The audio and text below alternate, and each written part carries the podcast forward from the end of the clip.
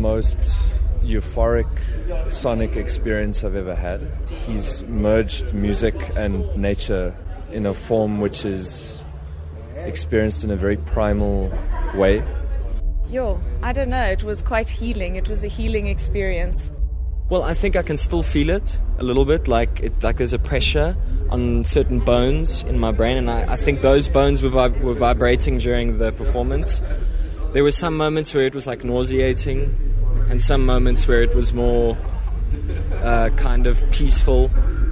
So I think he did well to take that range of emotion from such kind of limited material, you know.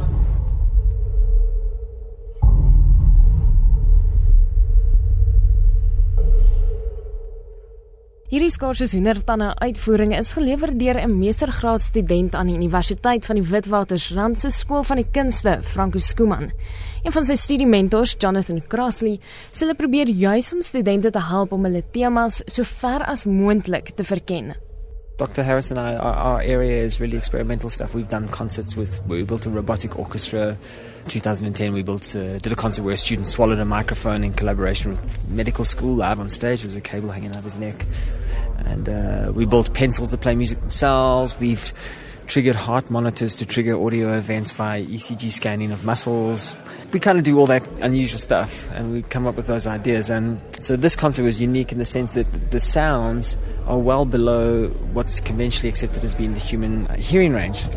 Crossley sê die deel van die brein wat hier geaktiveer word, is 'n primitiewe gedeelte wat ons selde gebruik. A lion's roar has 17 hertz in it, and that's why when you hear a real lion, you're afraid. But if you hear one on the telly, it just sounds silly.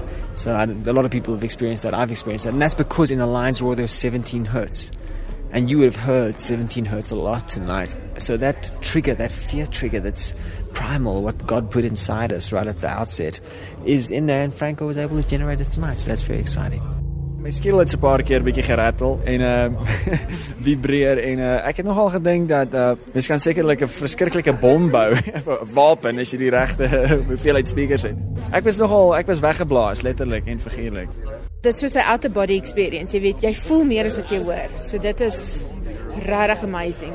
En klank wat reg rondom jou is en jy voel hom en jy dit is asof jy in die klank is. Dis dis lokalisasie, jy kan die klanke imagine en dit is asof jy in hierdie woestyn of in hierdie forest is met al hierdie klank wat om jou is. So dit is regtig amazing. Op die verhoog staan daar vier kolomme van bas luidsprekers wat bo op mekaar gestapel is. Dit lyk amper asof dit so hoog kan wees soos ek, ongeveer 1,6 meter. Intussen deur is daar nog vier kleiner luidsprekers geposisioneer. Skooman sê dit is baie spesifiek gekies en opgestel die speakers wat jy hierso sien, die klankbokse wat jy hierso sien, is dis wat ek gekies het uit drie moontlike opsies uit en ons het 12 gebruik want ehm um, hoekom nie?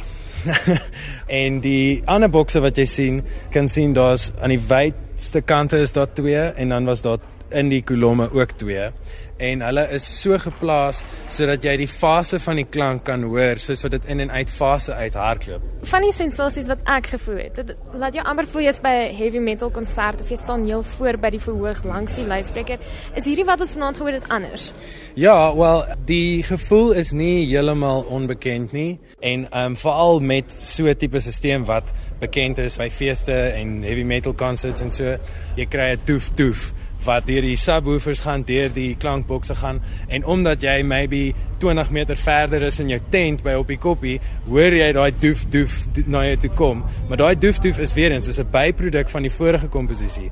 Die verskil is dat hierdie is gefokus op daai gevoel om die komposisie te wees. Hoe op aarde het jy hierdie klank gekry? Want dit kon nie maklik wees nie. Dit was nogal 'n storie om te besluit watse mikrofone kan gebruik word en ek het ook toe op 'n sekere stadium moes ek 'n normale dinamiese mikrofoon vat en ek het hom toe gemodify en ek het hom met hom toe begin speel tot hy vir my geregistreer het onder 20 Hz. Jonathan het net vir my gesê jy het alternatiewe metodes gebruik vir jou mikrofone, soos byvoorbeeld inspuiting. Ja. So Op die internet het ek gesien hoe uh, iemand in Amerika vat 'n dinamiese mikrofoon membraan en hy pas toe uh die kolom van die inspuiting pas baie mooi oor die membraan van die dinamiese mikrofoon. Nou wat ons doen as ons dit doen is ons verleng die vakuum waarin die mikrofoon sit. En as gevolg van die feit dat ons dit verleng, kan ons nou langer klankgolwe opneem. Uiteindelik was dit duidelik dat sy navorsing in die skierige se aandag vasgevang het.